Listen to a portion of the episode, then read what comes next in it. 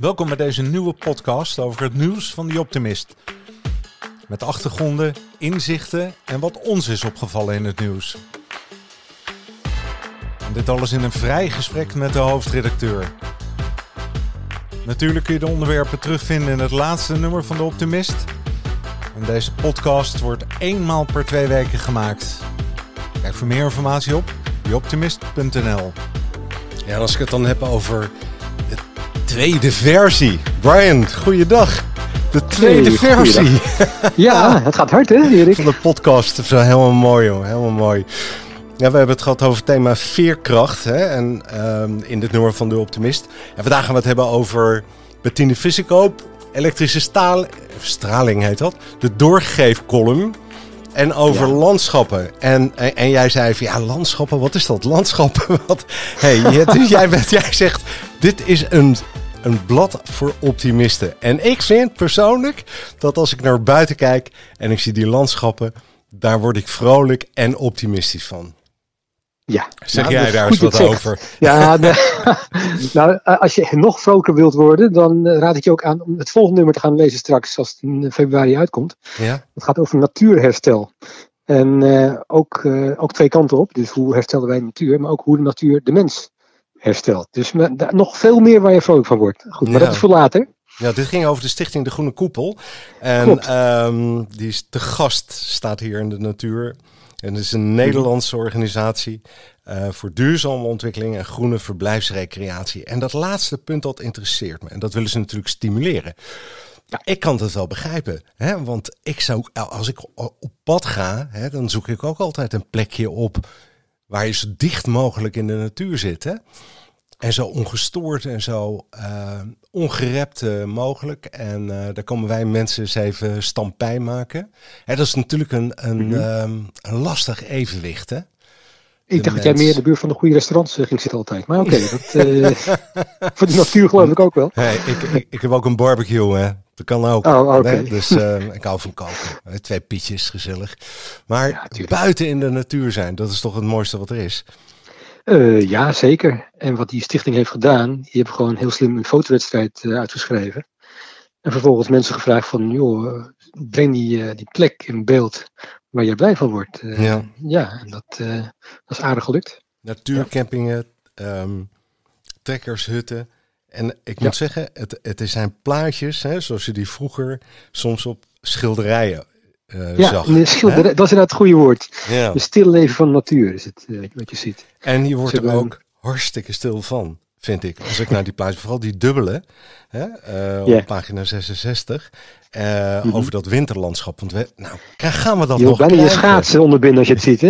Ja, als je dit ziet. Dan wil je wandelen en, dan, dan, hè, en daarna chocolademelk, glühwein, nou, Oh, alles wat daarbij komt. Ik vind dat, Ja. dat die, die, die, die foto's, die vind Mhm. ik wel echt in de optimist thuis horen. Oh, dank je. Dat vonden niet? wij ook eigenlijk. Dus Ja. eh, het is elke keer weer een speurtocht, kan ik je vertellen hoor. Om, Ja? eh, om de goede platen te vinden. Dit zijn natuurlijk de foto's die gewonnen Mhm. hebben. Maar maak je anders gebruik van stokfotografie of hoe werkt dat? Zo, zo min mogelijk. Ja, we doen het wel om, eh, om te illustreren natuurlijk. Maar kijk, zo- zo'n beeldverhaal, daar moeten gewoon originele foto's staan. Eh, liefst zo uniek mogelijk. En dat geldt eigenlijk ook voor de artikelen die we, die we plaatsen. Ja. Dus eh, ja. kan niet altijd, maar vaak wel. ja, het heet Veerkracht, dit nummer. Dit laatste nummer wat beschikbaar is. En Mhm. jij zei, laten we het ook even over Bettine hebben. Ja, Wat vind jij zo boeiend aan Bettine Friesekoop? nou ja, ik ken haar natuurlijk vooral vroeger van, eh, mag niet zeggen, van de pingpong. Ja, Als tafeltennis eh, Ja. koningin. ja precies. En hoe zij tussen eh, al die Chinese toppers stand wist te houden. Dus toen ik haar bij toeval een keer ontmoette bij een bijeenkomst, toen raakten we aan de praat. Het woord veerkracht kwam eh, als het ware vanzelf voorbij. En die vrouw die heeft wel wat meegemaakt in haar leven hoor. Ja, dus zeker. als iemand het kan hebben over veerkracht, is zij het wel. En wat, ze, wat veel mensen ook niet weten, is dat zij gewoon een aantal boeken heeft geschreven al. En niet eh, romannetjes, maar ook echt serieuze, goede boeken. En haar laatste boek gaat over een andere dame die heel veel veerkracht heeft getoond in haar leven. Dat is Pearl Buck. Een Amerikaanse die eh, verknocht is geraakt aan China. En ook heel veel heeft betekend eh, voor de verbinding van die culturen. Dus dat is eh, ook een beetje haar voorbeeld geweest. Oké. En waar gaan de boeken van Bettina over? Ja, vaak hebben ze, omdat ze heel veel kennis heeft van, van China en de cultuur, hebben ze een link met het, ja, de Chinese wereld uh, die ze ervaren heeft. Oké, maar het ging, ging niet specifiek, want je, de, de veerkracht van haar, dat, hè, die springt eruit, maar je kunt niet zeggen, oh dat komt terug in die boeken. Um, in, in haar laatste boek komt het wel weer terug in de persoon van die Pearl Buck wat die heeft meegemaakt, uh, dat is ook wel. Uh, als ze nog had geleefd, had ze ook in het blad gestaan, laat ik het zo zeggen. Oké, okay, wat heeft ze meegemaakt dan? Nou ja, hoe ze heeft geprobeerd om een lans te breken voor de Chinese cultuur in, binnen de westerse cultuur. Oh, en hoe okay, ze, deze kant op. Aardig, ja, ja, ja, ja. ja, de andere kant op. En ze is aardig verguisd daarvoor. Uiteindelijk hebben ze wel de Nobelprijs gewonnen, onder andere. Maar dat ging niet zonder hoort of stoten. Ja. Dus dat is wel, uh, zeker voor, voor de vrouw in die tijd, je praat over het begin van de vorige eeuw. Mm -hmm. Ja, is toch wel heel bijzonder als iemand zich zo weet uh, te manoeuvreren tussen al die, al die mannen die het beter weten. Ja. En wat doet Bettine nu in het dagelijks leven, buiten schrijven van boeken? Nou, ze coacht nog steeds. Ze traint uh, tafeltennissers, de jeugd, maar ook de ouderen. Daar doet ze allerlei dingen voor. En ze nou, schrijft boeken, houdt lezingen. Voor het Nationaal Ouderenfonds is ze bezig. Ze wordt ook vaak gevraagd voor om commentaar te geven. Als er in, in China iets gebeurd was, laatst met die tennister die verdwenen was een tijdje. En dan zie je haar opeens op tv of op de radio, hoor je haar commentaar geven. Ja, ik vond het toch Kortom, wel een dus, sympathieke vrouw. Ja, kan ik me ja. herinneren van, van wat ik er Ze is heel eigenwijs, kan ik je wel vertellen. Maar wel uh, op een goede manier, denk ik. En uh, gewoon, ja, als je met haar in gesprek gaat, is het gewoon een hele, heel prettige persoonlijkheid. Ja. En was de afspraak makkelijk te maken met haar? Uh, ja. Ja, ja, we hadden een klik ook bij de eerste kennismaking. Dus op een gegeven moment heb ik bij haar thuis afgesproken in Amsterdam-Noord. En daar zaten we gezellig met een kopje thee. En dat gesprek, dat leek geen interview, maar het was het wel. Ja. En daarna nog een fotoshoot gedaan bij haar thuis. Dus dat, nee, dat was een een goede samenwerking. Mooi, mooi. Ik kwam uh, op bladzijde 69 voor de luisteraars. Mm -hmm. De doorgeefcolumn. Ja. Ik dacht, grappig, die heb, dat heb ik ook eens een keer gedaan en geprobeerd. Het is toch lastig om de kwaliteit erin te houden. Wanneer ben je begonnen met de doorgeefcolumn? Twee nummers geleden, nou, recentelijk eigenlijk. En Loes Wies van der Laan was eigenlijk de eerste kandidaat die we wilden hebben voor de doorgeefcolumn. Ja. Alleen uh, toen kreeg ze een ongelukje en ze brak wat vingers. Dus ze kon niet typen. Toen hebben we het omgedraaid. Toen hebben we iemand anders eerst laten, uh, laten gaan en daarna uh. En dat was uh, een goede ja. keuze uiteindelijk. Kun je nog eens aangeven wat nou het verschil is tussen een, een, een column en een artikel? Column is meer een opinie die iemand uh, mag hebben, mag schrijven. Kort en bondig. Een artikel is vaak meer beschrijvend of uh, uh, reflecterend in de zin van een, een breder kader. Maar dit is gewoon echt een opinie. Iemand zegt, zij zegt hier bijvoorbeeld van samenstrijden voor een integere wereld. Ze is erg ja. betrokken bij uh, klokkenluiders en wat iets meer zei. Ja, Stichting ja, uh, Directeur Transparency International Nederland. En voorzitter ja. van de Consumentenbond. Dat wist ik ook niet. Hè? Dat is, dat pas sinds, sinds, heel kort is dat hoor. Dat is pas sinds een paar maanden dat ze dat is, het laatste. Ja. Transparency doet zo al een aantal jaren. Ja. Maar transparantie, dat zie ik als iets anders dan toen ik de column las. Dan gaat het met name over eigenlijk corruptie, hè? Ja. ja, als, ja alles... de grote tegenhanger van hè, transparantie. Nou, dat is niet zo, hè, want je kunt transparant en geheim, hè, noem ik het maar even. Hè, maar mm -hmm. corrupt, dat is nog wel een ander niveautje. Hè? Dan gaat het allemaal over iets anders. Dus wel het ene uiterste van het spectrum uh, waar dit over Ja. gaat. Uh, Ja. En ook waar transparency uh, voor strijdt. Ja, wat zijn de strijd. punten die ze wil maken in die column? Uiteindelijk dat het wel beter gaat, als we maar willen. Dus het noemt een paar voorbeelden. Het gaat ook over eh, ja, integriteit. Hoe, eh, hoe mensen daarmee omgaan. Ze heeft het ook over bijvoorbeeld eh, witwassen en belastingontduiking. En hoe wij als land daarmee omgaan. Nou ja, er is genoeg eh, gaande in de wereld eh, waardoor dingen beter worden. Maar het is niet altijd even makkelijk. Ja, dat zag ik dus ook. Hè. Dat vond ik eh, heel bijzonder als je dat in één keer achter elkaar ziet staan. Hè, welke Mhm. Punten er gehaald zijn. Dan gaat het met name ging het over. ehm, nou ja, we hebben natuurlijk die ministers zien vertrekken. Hè, en dan Ja. vervolgens allerlei lobbybaantjes eh, eh, innemen. buiten de politiek op hun eigen beleidsterrein. Daar eh, gaan ze wat aan doen. Bijvoorbeeld, dat, ze hebben het dan over een afkoelingsperiode voor bewindslieden. Yeah. ze heeft het over de Nederlandse trustsector. Uh, hoort hier nog wel hè, de beroemde brievenbusfirma's, hè, mm financiële brievenbusfirma's. En, en behoren die nog wel in Nederland te zijn? Nou, er wordt ook naar gekeken hè, of dat nog wel past in een, hè, een, een groeiend Nederland. Hè, misschien wel een groeiend, dan bedoel ik ten aanzien van een integriteit. En natuurlijk die hmm. klokkenluiders hè, beter beschermen. Maar dat heeft volgens mij iedereen al wel een keer voorgenomen. Is het, is het niet?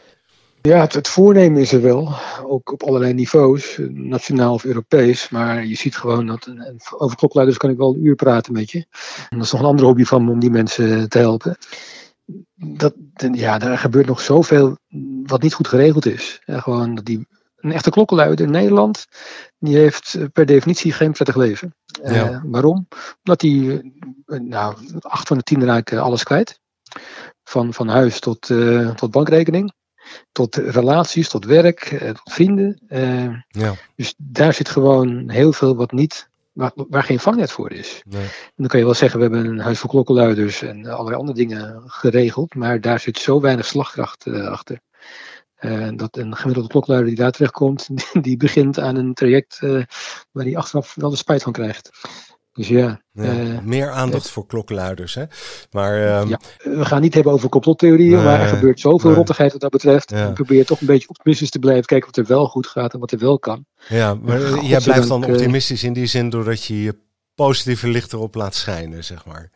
Hè, wat er wel goed gaat aan wat Lucie van Laan ook zegt uh, in, in, haar column is uh, dat er bijvoorbeeld wetgeving is, uh, maar is ook pas sinds december vorig jaar. Wereld Anticorruptiedag heb je dan. Hè? Ja. En dat er ook corrupte dictators, dat die niet wegkomen met, met hun kapitaal ergens verstoppen in een ander land en hopen dat niemand het erop let. Kijk, dat, daar tegen opgetreden wordt, dat is alleen maar goed, denk ik. Ja, dat was 9 december, hè, die Wereld Anticorruptiedag. Hij is mij ontschoten, moet ik eerlijk zeggen, maar ik wist ook niet van het bestaan. Hè, dus Je hoort er weinig over, hè? Tijd om daar aandacht aan te geven.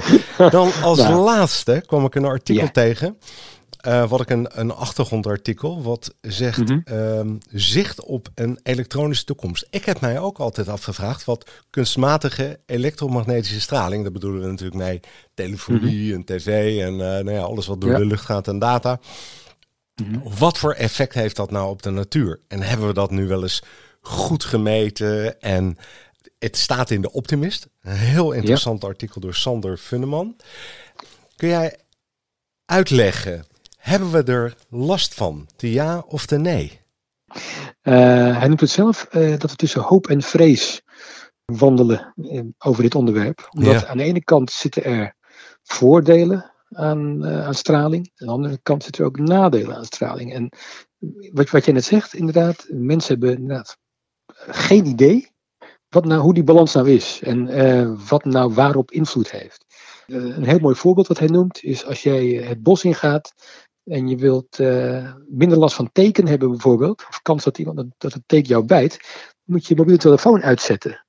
Want die beestjes die, die zijn, als mag, eh, zijn bijna aangetrokken tot de straling van jouw mobiele telefoon. Ach. Ja, het zijn leuke details hè? Ja, om te weten. Zeer interessant. Maar het feit dat er overal straling is, en natuurlijke straling en kunstmatige straling, en wat voor invloed die twee op elkaar hebben, kijk, daar is nog heel veel onderzoek voor nodig. Dat is zijn betoog. Hij heeft er ook boeken over, over geschreven inmiddels. Eh, maar er is zoveel wat we of niet weten of waar we ons niet van bewust zijn wat speelt. Dat ook als, kijk, je hebt van, van die mensen die steken dan een, uh, zendmast in de fik, omdat ze denken dat de straling daar vandaan niet, niet goed is. misschien hebben ze wel gelijk, maar misschien ook helemaal niet. Kijk, en dat weten we nog niet goed genoeg, of daar is nog veel meer onderzoek voor nodig. Uh, hoe dingen met, elkaar interfereren, bijvoorbeeld. Ja. Uh, het gaat over natuur, over dieren gaat het, over, uh, over, over bomen, over hoe de zon werking heeft naar de, naar de planeet toe. hoe wij met onze kunstmatige straling inhaken op bestaande frequenties van de natuur. Of dat juist ten goede of ten kwade is. Daar is zoveel over te vertellen. Nou, we hebben het nu op drie pagina's staan, geloof ik, in totaal. Ja. Maar je zou er een boek inderdaad mee, mee kunnen vullen met al die. Ik, ik kan me dat ook kan me dat zo voorstellen, weet je wel, dat, uh, dat je met iemand in gesprek bent. En dat onderwerp is zo boeiend dat je er uh, ja, helemaal in opgaat. Hè?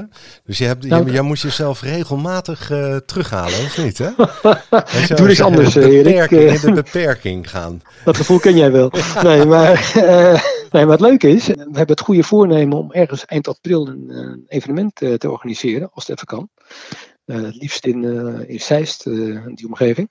En Sander Funneman is bereid om daar in ieder geval al een, een keynote te gaan houden. Dus ik zou zeggen, hou de nieuwsbrief van de Optimist in de gaten. En dan gaan we Zeker weten. aankondigen. Hey, wanneer januari, februari 22 staat er op nummer 202 de Optimist. Dus wanneer krijgen we onze volgende Optimist in de bus? 26 februari. 26 februari. Maar het, en weet je wat ik ook zo mooi vind aan de Optimist? Weet je, je kunt Nou. hem ook, je kunt een artikel lezen, je kunt willekeurig openslaan, je leest het, het is niet te lang. Uh, interessant, je kunt het wegleggen. Weet je, en je, je leest hem hè, een paar dagen later, lees je nog een keer een ander artikel. En uh, het is een, een, blad om in, in te blijven lezen. En je blijft verbazen. En vanuit de positieve insteek. Hey, als laatste zag ik hier staan 90 brieven aan Jan Terlouw. Voor altijd Jan. Ja, Oh, dat is wel een bijzonder ap apart onderwerp, uh, kan ik je vertellen. Ja. Oh, mooi hè? Die man, hij blijft, hij blijft bezig, hè? hij blijft Ja. gedreven. Het mooie is dat zijn, uh, zijn levenspartner, Annette Nul, die is al een aantal jaar columnist van de Optimist. En uh, die belt mij op een dag, die zei van, goh, ik wil iets doen voor Jan. Ja. Uh, wil jij een brief schrijven aan Jan Terlouw? Ik zei, wat leuk. Ja, ik ga er ook nog aan, nee, dat andere mensen vragen hoor, dus voel je niet te vereerd. Ja. ja. En, en dat bleken dus inderdaad, de Dries van Acht, ja. van het Hek, noem maar op, ja. maar prominente Nederlanders te zijn. We hebben het er eerder over gehad, maar ik vind het gewoon een onwijs leuk initiatief. het zijn ook interessante mensen die brieven schrijven, hè? Ja, jij zelf natuurlijk. Ja, ah, heel goed. Dit terzijde. We zijn aan het einde gekomen. Mooi. All the best, Brian. En uh, heel Dankjewel, veel succes Rick. met de laatste loodjes voor het nieuwe nummer. Gaat lukken. All the Tot best. de volgende keer. Jo, dag. Hoi. ja, de optimist. Let er goed op. Nummer 203. En voor deze artikelen kijk je in het bestaande nummer. Ik wens je een hele mooie week. Dag.